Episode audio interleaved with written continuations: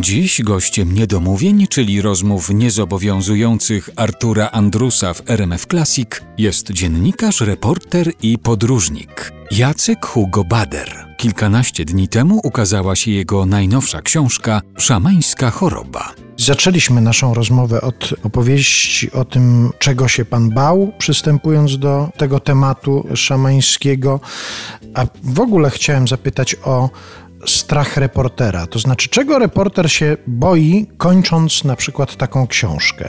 Ja wiem, czego się boi na przykład autor tekstów piosenek. Że, że jest słaba. Że jest słaba to raz, ale jak się przekonuje, że jest dobra, to się boi na przykład tego, że takiej dobrej już nigdy nie napisze, że na przykład nie będzie pomysłu na następną piosenkę.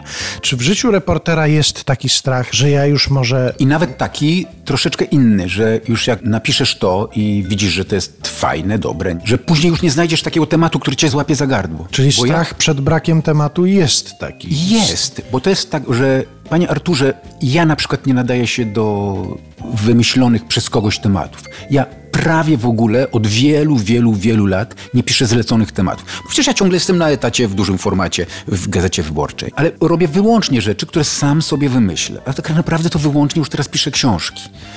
I więc że nie znajdziesz takiego tematu, który ciebie zafascynuje.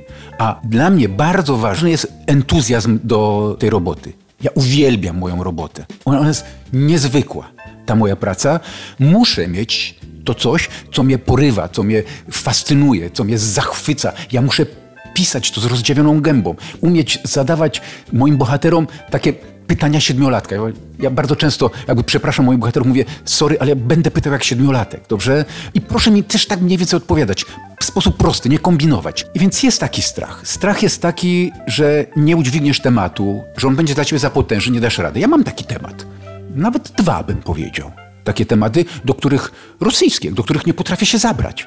To jest tak wielki temat, że no to jest, to jakby ci kazali, kurde, jesteś murarzem z Sochaczewa, jestem z Sochaczewa, pan jest z Sanoka? Tak, tak. No proszę, my jesteśmy z małych powiatowych miasteczek. Nie, Sanok nie jest takie małe.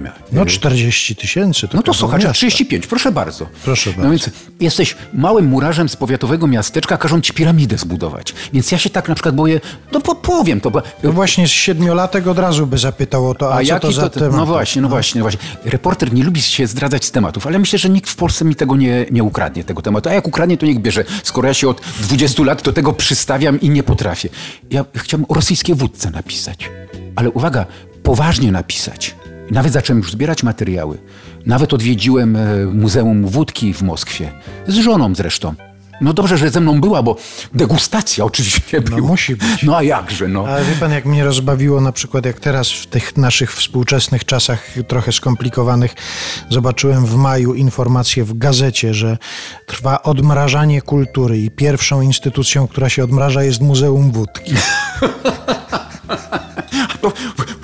Muzeum Wódki nie powinno się odmrażać, to jak najbardziej, zamrożona jest jak najbardziej. Chociaż Rosjanie, proszę sobie wyobrazić, ile to jest, ile już wiedzy zdobyłem o tej wódce. Na przykład, że Rosjanie to jest współczesna prywyczka taka, żeby mrozić wódkę. Oni piją na, na ciepło. W zasadzie na zachodzie nauczyli nas, że wódka się mrozi. No, żeby gęby nie wykrzywiało. No to prawda, albo lubisz tą wódkę, albo nie lubisz. Zdecyduj się. Jak nie lubisz, to w ogóle jej nie pij. A po co mrozić? Rosjanie piją na ciepło wódkę. Oczywiście nauczyli się, teraz też y, lubią zamrozić, ale Amerykanie do koniaku za się lód wrzucają. Amerykanie już nawet podobno wódkę bezalkoholową produkują. To jak się Rosjanie dowiedzą, to no, no. stracą resztki szacunku. Szacunku dla Amerykańców. No. A ten drugi temat? A to nie zdradzę panu. A, no to dobrze. Ale to nie zdradzę panu, bo, bo ciągle jestem jego bliski. Ale naprawdę ze dwadzieścia parę lat o nim myślę. I też zacząłem opukiwać i nawet miałem pomysł, ale ogrom tego tematu mnie przeraża. To jest między taki ogrom jak pisanie o rosyjskiej wódce.